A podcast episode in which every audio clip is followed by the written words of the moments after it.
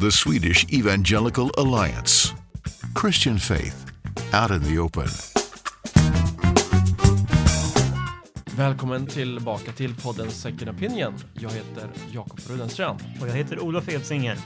Idag ska vi ha ett lite längre samtal om varför just, just Sverige eh, är världens kanske mest sekulära land och mest individualistiska land. För många känner ju till den här kartan som kommer från World Value Survey om, att, om Sverige som kanske längst bort upp i i högra hörnet eh, där vi har kanske de mest individualistiska och sekulära värderingarna. Och Per Evert som är ju en, en vän av Svenska Evangeliska Alliansen leder arbetet i Klapphamninstitutet. Han har nyligen doktorerat på just detta. Vad, vad var det som eh, gjorde? Vad en av, en av de viktigaste faktorerna till Sveriges sekularisering? Och då har han tittat kanske främst på de politiska trenderna. Mm. En mycket intressant avhandling, verkligen. Han har ju också nyligen intervjuats av Ivar Arpi på podden Rak Höger. Eh, Ivar Arpi som ju tidigare varit ledarskribent på, på Svenska Dagbladet men numera är, är fristående debattör kanske man skulle kunna säga. Ja men precis, och han har ju något fler lyssnare än Second Opinion får man väl erkänna. Ja, man skulle kanske säga att eh, eh, han, han har lite fler, lite fler än oss. Och vet inte ens om han, han lyssnar på den här podcasten, men i så fall får, får vi säga hej. Och eh, där nämnde han faktiskt dig, Olof, eh, i samtalet med Per som en av en, en kristen röst i, i, i, i den sekulära offentligheten. Och då talade han ju lite grann om eh, utmaningen som många kristna eh, eh, opinionsbildare har att nå fram i, i, liksom, i, i, i bruset. För det finns en mer eller mindre en sekulär norm i, i Sverige och inte, inte alldeles för sällan så så eh, brukar kristna röster, religiösa röster i allmänhet eh, sållas bort eller eh, mm. viftas bort som irrelevanta. Nej men precis, jag har ju mött Ivar Arpi bland annat på ett riksdagsseminarium när vi talade mm. om det här med normkritik och queer och liknande och han har ju läst då min bok När minoriteten tar majoriteten som gisslan. Och det är ju den av Seas brytpunktskrifter faktiskt som har fått störst spridning. Den är tryckt i fyra upplagor och det är eh, lite mer än, än vi är vana vid. Men, men där gjorde jag en ganska tydlig uppdelning när jag skrev den att, att huvudmaterialet kan man säga i den boken Eh, förutsätter inte en kristen världsbild egentligen och, och, och framförallt inga kristna värderingar. Eh, men så tar jag som en sista del då en mer kristen analys av de här fenomenen som jag skildrar i boken. Eh, och det var ju det som jag var där på tog som exempel då att att jag så att säga väljer den approachen, det är ju också lite grann av, av, av nödvändiga skäl att, att i det samtal som pågår utanför kyrkan så, så dels kanske man inte förstår kristna argument, men, men det är också så att det uppfattas som mindre legitima argument. Och det var precis det han, han, han satte fingret på, att, att här har vi en sekulär norm. Mm. Och eh, det är inget nytt för oss som är kristna, eh, men, men, det är välgörande att, att man kan tala klart och tydligt om den och, och faktiskt i viss mån också beklaga den. Mm. Det, är ju, det är ju så att eh det är, ingen, eh, det är, inget, eh, det är inget fel i att, att framföra argument som, som, som, som eh, utifrån konfessionella kristna bevekelsegrunder. Men samtidigt så är det ju väldigt svårt att nå fram och det, det är oftast det som vi arbetar med här i Evangeliska Alliansen med att formulera argument som eh, förstås eh, av, av alla ja, eh, mottagare, alla sekulära och, och, och, eh, andra religiösa. Och det är ju flera aspekter av det. Dels kanske alla har inte det religiösa språket, men, men ett, ett större problem är ju att många helt enkelt stänger av eh, i mötet med så att säga, en, en, kristen eller religiös världsbild. Och då når man ju inte fram uppenbarligen. Sen är ju en fördel när man talar om sådana här saker som människosyn och även identitet och sexualitet, att det är ju det vi som kristna kallar för skapelseplanet. Så där finns ju egentligen väldigt mycket gemensamt oavsett vad man har för trosövertygelser i övrigt. Men, mm. men, men oavsett det så, så låser sig ofta samtalet eh, kopplat till nästan vilken fråga som helst när, när religionen finns med i bilden. Ja, vi fick ju ett väldigt intressant exempel på det här eh, i Dagens Nyheter nu när Torbjörn Tännsjö, eh, professor i filosofi, emeritus, Mm. Uh, har ett, vad får man säga, nästan generalangrepp mot den kristna världsbilden. Ja, skulle man kunna mycket väl säga. Han um, lagom till 20 Knut så då man ska rensa bort julen hemifrån så tycker Tännsjö att man ska rensa bort kristen tro och, och all religiös övertygelse från offentligheten. Han, han eh, skriver i Dagens Nyheter den, den 13 januari eh, under rubriken Religion är den järvaste konspirationsteorin av alla. Och ehm, eh, då skriver han bland annat i, i, i sin avslutning att eh, den som vill tro att världshistorien styrs av kampen mellan gott, alltså Gud, eller, och ont, djävulen, eller av den djupa staten må göra så. Det gäller bara att se till att hålla dessa föreställningar inom karantän så att de inte stör viktiga samhälleliga förlopp. Eh, om, om mm. den här artikeln finns ju väldigt mycket att, att säga och jag fick eh, precis nu under den här dagen nu när vi spelar in det här poddavsnittet eh, publicerat en, en, replik där jag invänder mot Tännsjö utifrån tre punkter, eh, bland annat just hans definition av konspirationsteori, att den, att den brister att han eh, eh, inte tar till sig av den historiska empirin när det gäller den kristna trons faktis, faktiska positiva aspekter när det gäller, samhällspåverkan. Det, det, finns mörka sidor i, i, i kyrkans historia men, eh, men den kristna tron har bidragit till mycket. Men också att hans, men, men just och den tredje punkten att hans eh, Ehm, ehm, eh, eh, hans tes är allt annat än demokratisk öppen med tanke på att han nyligen faktiskt har argumenterat för någon form av klimatdiktatur för att komma åt klimatkrisen och det är ju om något att, att vilja välta eh, demokratiska, viktiga demokratiska institutioner. Ja, nej men absolut. Och Torbjörn Tännsjö är ju känd för att vara en stridbar röst. Han är ju etiker och nyttoetiker och kan ju komma med ganska förfärande resonemang i, i, helt andra frågor. Men man kan ju som sagt invänta, invända också rent formellt definitionen av konspirationsteori. Att mm. det skulle handla om järva men osannolika antaganden om verkligheten. Det är ju en väldigt undermålig definition. Mm. Och som du påpekar i artikeln så, så, finns det ju många järva antaganden som har visat sig vara faktiskt helt korrekta. Ja, ja innan, innan den 24, 24 februari förra året så trodde ju ingen i alla fall i den svenska underrättelsetjänsten, att, att Ryssland skulle invadera Ukraina. Så det är ju det är en, eh, som sagt, man kan tillämpa hans definition av konspirationsteori på många av de antaganden som vi nu vet är sanna. Och man kan också ta ett sånt eh, konkret exempel som, som vi ofta återkommer till som kristna med uppståndelsen. Mm. Eh, det var ju ett minst sagt järvt eh, och osannolikt antagande att Jesus skulle uppstå från de döda. Det var ju så osannolikt att lärjungarna själva, trots att Jesus hade förutsagt det, inte verkar haft någon förväntan om det. Mm, mm. Eh, det var helt utanför kartan för mm. dem som, som judar i grunden. Mm. Till och med när de upptäcker att, att graven är tom så, ja. så uh, drar de inte slutsatsen att det här måste innebära att Jesus har uppstått från de döda, utan de ställer sig hela tiden frågande. Och det gör ju, och man kan ju med visst fog beskylla det för att vara ett cirkelargument, men, mm. men det är ändå lite intressant att man, man, kan på ett sätt säga att själva tron på uppståndelsen är ett bevis för uppståndelsen. Mm. Uh, just för att det var en sån osannolik och uh, oväntad tro i den kontexten. Mm. Man kan naturligtvis ha, ha synpunkter på, på, att det låter som ett cirkelargument, men, eh, men just det oväntade är, är, faktiskt ett argument för att eh, när så många lyckas övertygas av någonting som de rimligen inte borde förvänta sig, då måste någonting ha hänt. Mm. Och där kommer vi naturligtvis också in på det historiska, för det finns ju en historisk grund för de här påståendena i den mm. kristna tron, och det är ju också ett av de kardinalfel som, som Tännsjö gör, att han verkar helt vifta bort mm. den dimensionen av mm. i alla fall kristen tro. Mm, han, han, tar ju främst eh, itu med de, de metafysiska aspekterna, alltså finns Gud, eh, sker mirakler och så vidare. Men och, och, glömmer bort just de historiska aspekterna som faktiskt går att undersöka.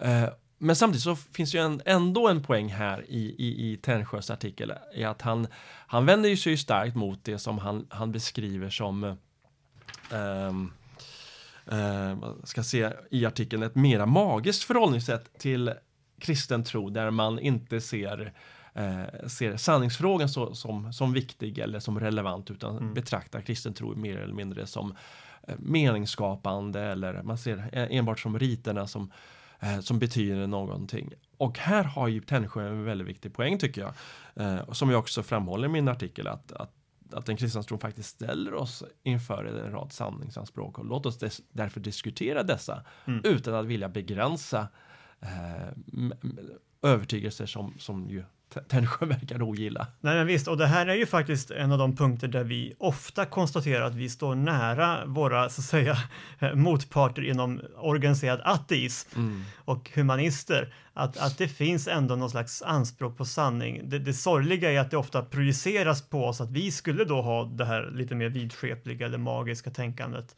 som ju vi faktiskt inte känner igen oss i. Eh, Men, men, men som sagt, om man får sitta ner och samtala och komma till pudelns kärna så, så finns det ju en respekt för eh, genuina sanningsanspråk. Skillnaden är ju då möjligen att, att jag som kristen tror att det finns goda grunder också för en del metafysiska sanningsanspråk. Till exempel att vår värld inte har kommit till av en slump. Mm, mm, Um, som är en slags skärningspunkt mellan det fysiska och det metafysiska. Mm. Eh, för, för man måste ju ställa sig frågan om något synligt kan, kan, kan bara uppstå mm, ur tomma intet av sig självt. Eh, ja, mm. så det är eviga frågor, men, Ja. men som sagt, jag tycker det är värt att påpeka att, att, att eh, även om man drar så totalt olika slutsatser så, så finns det en gemensam utgångspunkt i att vi respekterar att det finns Mm. objektiva sanningar, det finns historiska verkligheter. Eh, men just därför är det faktiskt inte bara konspirationsteorier vi ägnar oss åt. Nej, och just den här äh, inställningen att, att ateism eller sekulär humanism på något sätt skulle utgöra en neutral plattform som eh, tycks vara det som, eh, det som Tännsjö mer eller mindre stöpt i. Många av vår, många svenskar är stöpta i den uppfattningen är ju någonting som vi nu ska diskutera mer med eh, Eh, med Per Evert utifrån just hans avhandling om hur Sverige blev eh, världens mest sekulära land utifrån, och utifrån hans populär, populariserade eh, version av avhandlingen i hans bok Landet som, som glömde Gud. Welcome to the podcast Second Opinion analysis of church and society.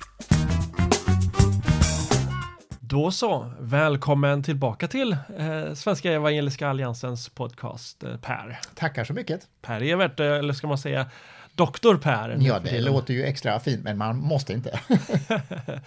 Eh, först och främst gratulerar till, eh, till avklarad eh, doktoré- doktorering. Ja, det Eh, tackar jag så mycket för. En lång resa. det har varit en lång resa. Hur många år har du doktorerat på det här, på det här ämnet? Eh, Alltså, jag var ju, tyckte att jag var klar efter fem år eh, och sen eh, var det diverse finessande hit och dit med slutputsen med olika bedömningskommittéer. Så att två år till tog det innan jag var klar, så sju år blev det ju i hela projektet.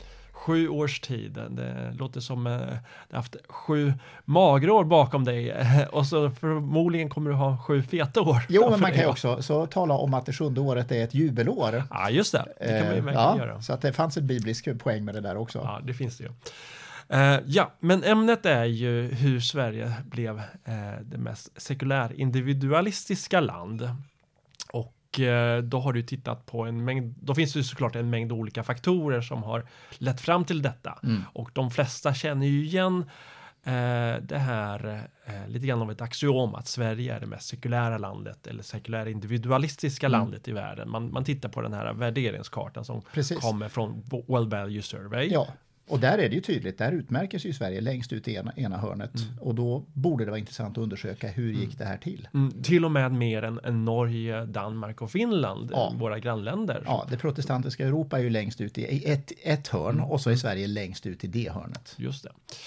Och då är det ju såklart som du säger, då är det ju intressant att, eh, att undersöka detta. Har, Mm. har någon annan gjort en sån här undersökning tidigare? Alltså, man har gjort delstudier på olika saker, olika faktorer, men det är ingen som har tagit det här helhetsgreppet om just den politiska sfären och hur den har påverkat. Har det funnits en medveten politisk strävan att driva Sverige i den här riktningen? Det är det som är min övergripande fråga. Mm. Såklart, det, det, som du säger, det finns ju mängd olika faktorer. Det finns Mm. ju kultur, det finns kyr- kyrkans roll och betydelse Mm, i, i dessa aspekter. Men då finns det ju såklart en, en politisk eh, vinkel här. För såklart, Sverige har under lång tid haft en statskyrka. Ja, Eh, och då är det ju väldigt intressant att undersöka den, den politiska sfären. Och i Sverige har det ju varit så att vi har haft en väldigt lång tid av, av socialdemokratisk eh, regeringsinnehav. så är det. Det är också unikt med Sverige. Det, det är också väldigt unikt med Sverige. Så det, du skulle kunna ta med oss lite grann som eh, om vi skulle föreställa oss att vi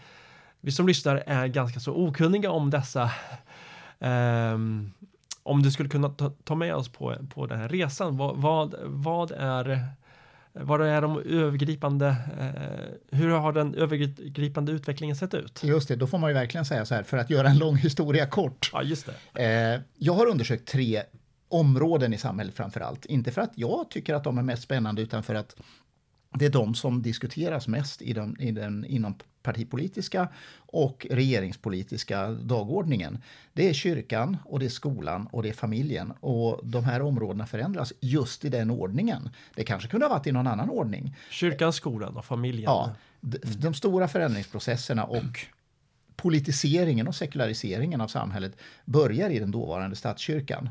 Antingen för att det var lättast att genomföra agendan där, för att man hade tillgång till de politiska verktygen, eller för att man tyckte att det var viktigast. Det är lite olika bland olika aktörer, men, men kyrkan kommer först. Och hur, hur har det sett ut då? För att i Sverige är det ju, har, har det varit så pass unikt att fram till millennieskiftet mm Eh, när, precis då som det skedde en relationsförändring som man brukar kalla det, eller separation av kyrka och stat. Fram tills dess så var det ju regeringen som utsåg ärkebiskop. Ja, just det, och biskopar överhuvudtaget. Och biskopar överhuvudtaget. Mm. Eh, och det är ju en del i styrningen. Eh, det finns andra forskare som har tittat på det tidigare, eh, hur politiken påverkar biskopstillsättningar. Och det var inte så skarpt och tydligt fram till ämbetsfrågan avgjordes 1958. Då blev det tydligt och det slogs fast sen av kyrkominister Alva Myrdal som av en händelse att bara de får bli biskopar som ställer upp på det politiserade vägvalet för kyrkan och hur man ser på ämbetsfrågan. Men, men här, var det, här menar du att det, att det var en politisk eh, påtryckning snarare än en teologisk eh, vägval? Absolut, det här är jätteviktigt. Eh, precis som i vår tid egentligen så är det sällan den fråga som står på dagordningen som det egentligen handlar om. Utan den grundläggande frågan som, som diskuteras är vad ska ha den yttersta auktoriteten över kyrkan? Ska det vara ja, kristen tradition och vad den innehåller? Eller ska det vara politiska och ideologiska vägval som kommer från den sekulära världen? Och när det gäller ämbetsfrågan då skrevs det väldigt tydligt i kvinnoprästutredningen att de som lutar sig mot kristen tradition, eh, bibel och, och annat det är inte en relevant grund för att fatta beslut för kyrkan. Utan den grund vi behöver bygga på det är de som vi bygger i det demokratiska samtalet som i, i vårt fall då det ledande partiet byggdes på sekulär grund. Så att den stora frågan handlade då och tror jag handlar även idag om vad ska vara kyrkans grund. Mm, just det, att det är antingen är kyrkans egen bekännelse och lära eller den politiska partiboken Precis. som man brukar diskutera i samband med liksom, kyrkoval och ja. det som vi har idag. Mm. Eh, nästa steg, du, du pratar om, om, om skolan. Mm. Så att när politiseringen och eh, liksom avsakraliseringen som, som det i praktiken blev av kyrkan Ehm, då var nästa förändringsområde skolan. Och då var det två frågor, praktiska frågor som, som låg i dagordningen. Det ena var morgonandakterna och det andra var kristendomsundervisningen. Och då röstade ju faktiskt den skolkommission som tillsattes efter kriget för att behålla de här. Därför att folket ville det, därför att lärarkåren ville det och därför att även de som inte var troende kristna såg att ja, men det här tycker vi är en bra grund för att bygga liksom, ansvar och karaktär och ett gott samhälle.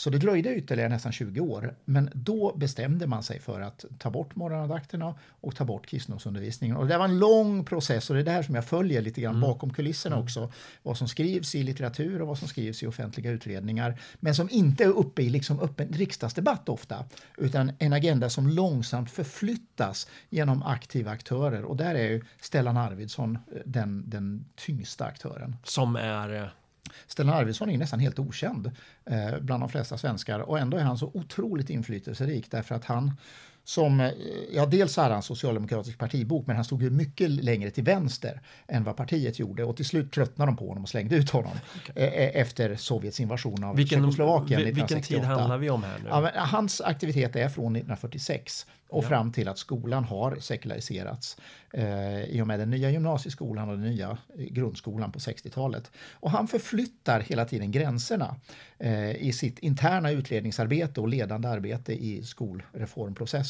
Och han är också ordförande i förbundet Sverige-DDR och han betraktar DDR som mönsterlandet som Sverige ska, ja, som ska uh, utvecklas i, i, riktning efter. Därför att han, han stod långt till vänster om det socialdemokratiska partiet. Men han fick ändå fullt inflytande att förändra svensk skola och gjorde det på ett mycket, mycket effektivt sätt.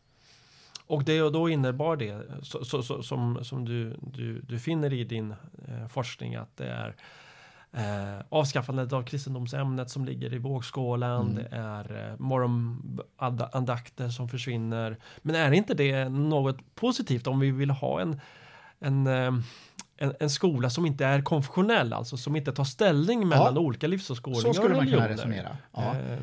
Eh, för, för, som sagt, det, Eh, hade det varit i ett annat land, hade det varit ett hinduistiskt land mm. eller ett muslimskt land, så hade man ju såklart varit väldigt obekväm när det hade varit religiösa morgonandakter. Mm kan man inte känna en, en viss sympati där? För, och, och orsaken till att de här två frågorna blev de viktigaste, det var ju för att de är, de är synligast och gemene man förstår vad det handlar om. Ja, vi vill ha det som vi har haft det. Men det stora var ju egentligen att man ändrade själva inriktningen. När man läser på formuleringarna i hur det nya religionsämnet utformades så var det inte ett neutralt ämne utan ett starkt kristendomsfientligt ämne. Och det var det som gjorde att det väckte det här enorma folkliga motståndet på 2,1 miljoner svenskar som undertecknade namninsamlingen. Det var 2, 2 140 34 513 personer som undertecknar namninsamlingen. Det är en enorm ja, opinionsyttring. Det är 42 procent av den röstberättigade befolkningen. Obegripligt starkt. Mm. Eh, just för att många såg bara de rent praktiska. Eh, morgonandakten och kristendomsundervisningen tycker vi är bra. Men det fanns också den här förflyttningen till, från en neutral hållning eh, till en direkt kristendomsfientlig hållning. Och det, det, det, visar jag på olika sätt i dokumenten som jag lyfter Kan fram. du nämna några formuleringar som, jo, men, som indikerar detta kristendomsfientliga som du säger? Till exempel att man vill hellre lyfta fram naturalismen och att man, den mest tydliga formuleringen är väl att man ska betrakta kristendomen och religionen, ska vi se om jag kommer ihåg det rätt i citatet, som en tvångsneuros med infantila drag tror jag. Det är ju ganska tydligt får man ändå säga. Det är ju en väldigt tydlig eh, formulering. Ja. Och de här dokumenten, det är statliga utredningar som ligger mm. bakom när man gör läroplaner och när man sen fattar beslut om skollag. Och de dokumenten var Stellan Arvidsson central i att formulera. Just därför att han var kopplad så starkt till det ateistiska eh, Östtyskland och, en gudlös grundsyn. Och han tyckte att det är väldigt viktigt att slå, slå fast det som en reaktion mot det som har varit. Och då blev den reaktionen inte neutral utan direkt religionsfientlig, speciellt mot kristendomen. Och därför är det ju såklart ingen, ingen överraskning om man nu förlängningen, om man ser, ser frön av detta där eh, kristna elever och studenter i dagens skola och, mm. och, och, och högskola och universitetsvärld upplever någon form av intolerans gentemot eh, religion och, och kristen, kristen övertygelse. Mm. Eh, jag tänker på SKRs undersökning som, från ett, ett par år tillbaka där man lyfter fram hur hur många, hur många kristna elever, troende elever, eh, upplever sig kränkta av lärare till och med. Mm. Eh. Och, och, vi gjorde ju en sån studie i Klapphamninstitutet också, en intervjustudie i samma ämne. Eh, och i och med att den här ateistiska sekulära pendeln slog över så starkt på 60 och 70-talet, då kom det ju en motrörelse. Eh, och den läroplan som vi till stor del har fortfarande, som, som togs under den borgerliga regeringen 91 till 94 och det är ju ur kristet hänseende det är ju en bra läroplan som är värdestyrd och som ska bygga på den etik som förvaltats av kristen tradition och västerländsk humanism. Eh, men de strukturer som byggdes in i skolan, organisationerna och lärarhögskolorna mm. på 60 och 70-talet, de blev så starkt sekulära och det ser man i utredningarna och instruktionerna som gavs till de nya lärarhögskolorna. För det förstod Stellan Arvidsson också, att ska jag förändra landet på riktigt då behöver jag inte bara förändra läroplanen utan jag behöver också förändra lärarutbildningarna. Och det var han och andra med och gjorde på ett återigen väldigt effektivt sätt. Men kan man inte där också, du nämner ju den, den, den borgerliga regeringens eh, eh, liksom genomdrivande av, av ny skollag och mm. läroplanen. Med, med, med kristen, att man ska liksom bära den kristna tron och, och eh, ja, den, den etiken den som, etik som har verkat. Ja, precis. Och det är såklart, det finns ju en, det finns ju en, en, en, en eh, deskriptiv eh, form i detta. Samtidigt kan det också bli en, en normativ eh, eh inriktning här där man instrumentaliserar den kristna tron. Det finns ju den kritiken om att man, man gör den kristna tron till, eller man reducerar den kristna tron till enbart eh, en viss form av etik mm. och inte att det handlar om eh, hjärtats förnyelse och, och eh, övertygelse om, om. Och det är ju om, inte skolans det, uppdrag. Det, det, det skulle de flesta kristna lärare inte säga att det är skolans uppdrag heller, utan det är församlingens uppdrag, det är försam- föräldrars uppdrag och så vidare. Eh, men, men den sekulära pendeln, den blev så stark på 60 och 70-talet så att jag tror att det, det, den läroplanen från LPO 94, den är nog till stor del en reaktion mot den. Men verkligheten har inte riktigt hängt med trots att det har gått, ja, det har gått nästan 30 år sedan den läroplanen sattes nu. Och eh, eh, vi kan ju komma tillbaka till det här, men du nämnde ju det tredje steget med familjepolitiken. det är ju det, det riktigt radikala språnget. För att om vi säger att utvecklingen i kyrkan och i skolan, den var ju till stor del sekulär, den, den riktningsförändring som man ville se. Eh, men i skolan så kom ju också det individualistiska, det auktoritetsfientliga, det, det progressiva spåret in. Och det kom till stor del genom Alva Myrdal som hade förkunnat det, det budskapet ända sedan 30-talet, sedan kris i befolkningsfrågan, men inte riktigt fått genomslag för det därför att ja, de flesta vanliga befolkningen var förhållandevis konservativa i hur man såg på hur de här institutionerna skulle fungera. Men i slutet på 60-talet, då får hon och de andra progressiva rösterna i samhället fullt spelrum också inom det socialdemokratiska partiet. För Socialdemokraterna var ganska traditionella i familjesyn fram till mitten på 60-talet någonstans. Och man valde mellan, ska vi prioritera vårdbidrag, det man sen kallar vårdnadsbidrag, eh, eller ska vi prioritera eh, dagislinjen? Och man vägde väldigt noggrant fram och tillbaka mellan de där. Eh, Men till slut så valde man den senare linjen och det gjorde man parallellt med att de progressiva Eh, och som jag kallar de ultraprogressiva fick fri, fritt spelrum. Och där var bland annat Alva Myrdal som, som fick leda Socialdemokraternas eh, utre, interna utredning eh, om jämlikhet inför 70-talet. Eh, och då blev det den individualistiska, hyperindividualistiska versionen av jämlikhet som blev rådande. När man hade förändrat skolan och infört eleven som, som eh, centrum på bekostnad av lärarens kunskap och auktoritet, då var det naturliga nästa steg att gå vidare till familjepolitiken, att individualisera den och inte längre behandla familjen och äktenskapet som en sammanhållen enhet. Så det får konsekvenser från skolan till familjesynen helt enkelt. Ja, det var i den ordningen det skedde i alla fall. Det är inte nödvändigt att det måste ha varit så i andra länder, men man förstår att eh, och man ser i de, de radikala rösternas eh, kommunikation att det är familjen som är nästa steg. Vi behöver, ska vi individualisera samhället som vi redan har sekulariserat, då är det familjen som är nästa steg och då måste vi förändra synen på äktenskapet. Mm, och därifrån så har man ju lite grann det som antar jag, eh, som Lars Trägård talar om som statsindividualismen. Att statens och stat står i direkt relation till, till individen och att det inte finns så många eh, inte, eh, mellanstationer. Precis, mellan, och det finns inga andra familj- band när man har andra kopplat band. loss eh, individen från familj, kyrka, övriga delar av civilsamhället så måste man koppla individen någonstans, annars, annars blir det anarki i samhället. Och då kopplar man henne starkt till staten. Det är så man har byggt de socialpolitiska eh, systemen i Sverige, att individen har kopplats mycket starkare till staten än i andra länder. Och vad innebär detta då? Eh, eller hur, hur, eh, hur, eh, bli, hur leder detta fram då till att Sverige blir det mest sekulära landet i världen? Nej, det leder egentligen inte fram till det skulle jag säga, utan det skriver man eh, explicit i familjepolitiska utredningar att eftersom samhället redan har blivit sekulärt och eh, vi har bytt familjesyn bort från den patriarkala familjesynen till mer individualistisk, då går det här liksom hand i hand så att Sekulariseringen betraktar man, skulle jag säga, som mer eller mindre helt genomförd i slutet på 60-talet. Den frågan behöver man inte driva längre. Den striden är vunnen. Samtidigt så är det väl flera riksdagsprotokoll som, som nämner just Sverige som en kristet land långt in på 80 till och med på 90-talet. Att, att eh, kristet samhälle snarare än man talar om det sekulära samhället som är ju väldigt återkommande nu för tiden. Ja. Sen det finns det ju tydliga partipolitiska skillnader. Nu slutar ju min undersökning 1976, men både du och jag har ju en, en kännedom och liksom en känsla av vad, vad som har kommunicerats sedan dess också. Och jag, jag tar upp i en, i en bisats i, i den populariserade boken att man gjorde en, en undersökning bland svenska riksdagsledamöter i början på 80-talet om hur man ser på, är Sverige ett, ett kristet land och betraktar man kristna värden som relevanta i politiken? Då är det ju en jättetydlig skillnad. De socialistiska partierna tycker det är det absolut inte, medan de borgerliga partierna, framförallt Moderaterna tror jag utmärkte sig, eh, tycker att det, det är en bra idé att ha ett kristet baserat samhälle. Eh, och sen har ju utvecklingen fortsatt efter det och de övriga partierna sekulariseras eh, fortlöpande Mm. därför att samhället har för, eh, sekulariserats och då har de andra partierna till stor del följt med på det tåget. Och man kan ju notera hur förändring, alltså att man har tagit bort eh, många av de här skrivningarna i partiprogrammen och eh, val...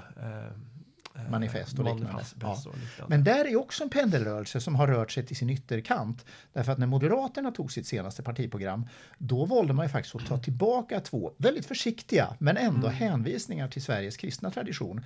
Det är den första förändringen i att i något ledande partis program öka så att säga eh, emfasen på det kristna inslaget sen, sen eh, ja, precis efter kriget. Andra världskriget. Så det, det är en jätteintressant pendelrörelse. Men samtidigt så är det ändå, ett, eh, kan man ju ändå invända mot att eh, är det här något att välkomna? Man kan, man kan ställa, dem, ställa ju den frågan, är det här verkligen nå- något man ska hurra för?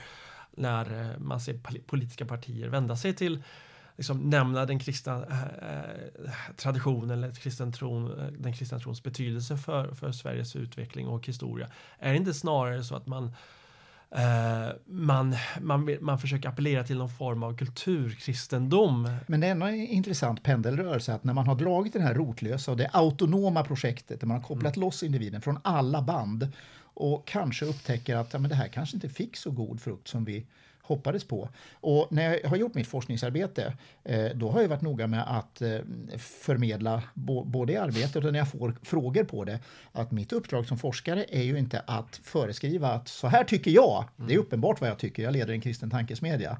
Men min utmaning är ju att lägga ut ett historiskt mönster och sen utmana både politiken och kyrkan att ta upp en ärlig diskussion. Vad är det som har hänt med oss? Hur har vi förändrats som, som samhälle och som kyrka under det senaste seklet? Vad tycker vi har varit bra med det och vad tycker vi har varit dåligt? Vad behöver vi förändra? Eh, I början så sa du ju såklart, eh, kom du ju in på, eller nämnde ju såklart det, det, det kyrkans ansvar och då auktoritetsfrågan har ju varit avgörande. Eh, är det staten som ska vara normerande eller är det Bibeln och kyrkans lära och Ja, tradition som för att ska det vara normerande, normerande? Det är en förenklad bild. Mm. Skulle du kunna gå lite längre in i det, eh, eller för, utveckla det lite mera för att jag tror att det är kanske, det är första steget. Mm. Eh, Men för, en, för många kristna lyssnare tror jag att det är kanske mest intressant att, att höra hur, hur ska en frimodig kyrka eh, vara eh, ge respons på, eh, på politikens eh, synpunkter Precis. på, på, på församlingsbygge. och Och här ser man ju att kyrkan gör sina tappra försök ibland att faktiskt stå emot. Biskoparna gör utspel som, är, som visar på att vi vill stå på en luthersk grund, vi vill stå på skriften alena som grund och vi vill att våra beslut och ställningstaganden ska vila på den grunden. Eh, Men då verkar det som att eh, det ledande partiet de vet att vi har ju redan förändrat beslutsprocesserna i kyrkan så att vi har politiskt vald majoritet i kyrkomötet. Så vi kommer att vinna den här striden. Med tiden så kommer kyrkan att kunna sekulariseras inifrån. Även om biskoparna och prästerna ibland sprattlar lite grann. Och den utvecklingen har ju sen fortsatt eh, ända fram till vår tid. Vi hade ju kyrkomöte för bara några månader sedan. Eh, Men samtidigt så, så ser vi ju ändå, tycker jag, tecken som man skulle kunna kalla för hoppfulla när biskopar och eh, när andra kyrkoledare faktiskt sprattlar emot lite grann och säger att vi kommer inte att följa kyrkomötets politiserade beslut ibland. Till exempel när man förklarade Israel för apartheidstat. Då sa man att ja, men det här är ett politiskt beslut, vi håller inte med om det, det, det, det funkar inte. Och det finns ju, förekommer ju för, återkommande kritik mot själva kyrkovals eller nomineringsgruppsupplägget Ja. från både tidigare ärkebiskopar men också ehm, på, alltså agerande, acting ärkebiskopar. Alltså, Så sent som i höst så tror jag att det var Antje Jackelén som, eh, eller, eller förra hösten som Antje Jackelén eh, kritiserade eh, kyrkovalsupplägget. Ja, precis. Eh, Så att där finns det på något vis en hoppfull rörelse och även inom de politiska nomineringsgrupperna, de som finns kvar i kyrkomötet, framförallt hos Sverigedemokraterna, så uppfattar jag att det finns en vilja att man vill dra sig undan. Men man ser att efter, då skulle bara Socialdemokraterna bli kvar. Så vi kanske Och måste finnas Centerpartiet kvar. också. Ja, precis. Eh, Så att det, det är en intressant rörelse som pågår. Om både Centern och Sverigedemokraterna ännu tydligare skulle signalera att nu lämnar vi, Eh, om Socialdemokraterna också gör det, då kanske det blir ett sånt tryck på dem så att de känner att nej, vi kanske inte ska vara här. Vi gör vårt samhällsprojekt på den politiska arenan för det är där vi hör hemma. samtidigt så har man ju gett uttryck för eh, senaste partiledaren i alla fall att, att man, man ser inget, inget slut på Nej, engagemanget i Svenska kyrkan för, för just socialdemokratin.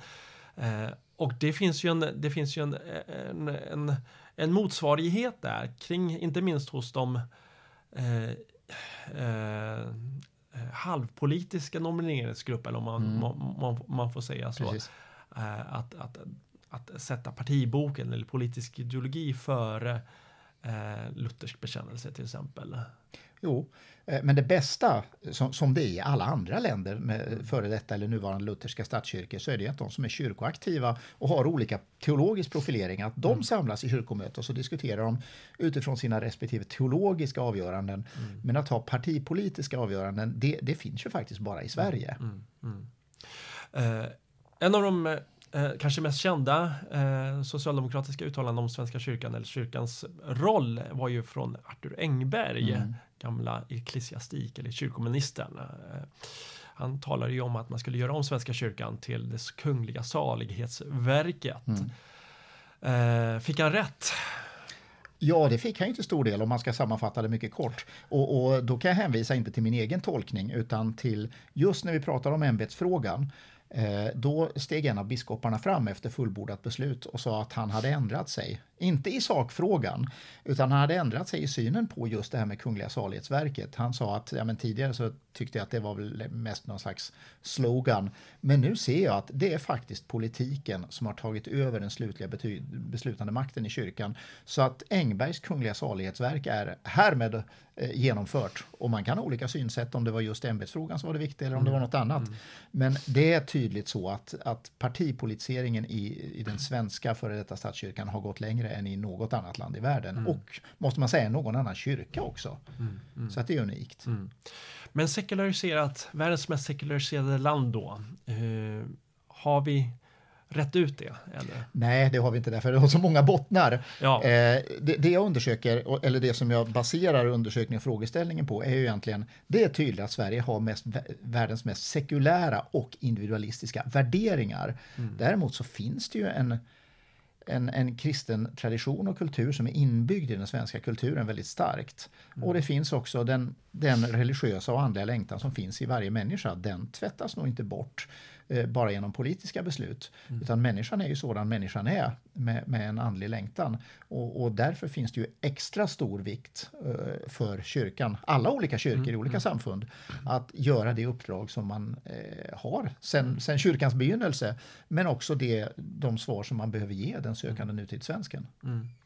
Men, eh, men eh, vad var det som var så av, mest avgörande i, inom, genom politiska arbetet för Jo, att göra Sverige till det mest sekulära Där kan vi ju fråga vad politikerna eh, själva anförde. Och det var just att ta över och, och, ta, och så att säga demokratisera är det ord som man gärna använder. Just det. Ta tillbaka den tycker vi demokratiska kontrollen, ju demokrati ett- tycker vi om, det Ja, låter bra. ja, Men i det här fallet så betyder det att vi tar bort de auktoriteter som kyrkan själv säger sig stå under, nämligen skriften och, och kyrklig tradition. Och vi ersätter den med partipolitisk. Och eftersom det nu råkade vara det socialdemokratiska partiet som var det mäktigaste i Sverige, då var det de som fick störst inflytande över det. Och det, det, det säger de också i sina egna inom, inom partidebatter som jag har följt på partikongresser och sådär att när vi nu har lyckats förändra samhället så mycket i den riktning som vi tycker, då vore det ju dåraktigt att släppa kyrkan och, och eh, göra den fri från staten när vi nu har sån möjlighet att influera den med vår partipolitik. Det är det ena. Och det andra är ju naturligtvis skolan. Olof Palme säger det när han är ecklesiastik och senare utbildningsminister att skolan är det förnämsta verktyg vi har för att förändra framtida generationer.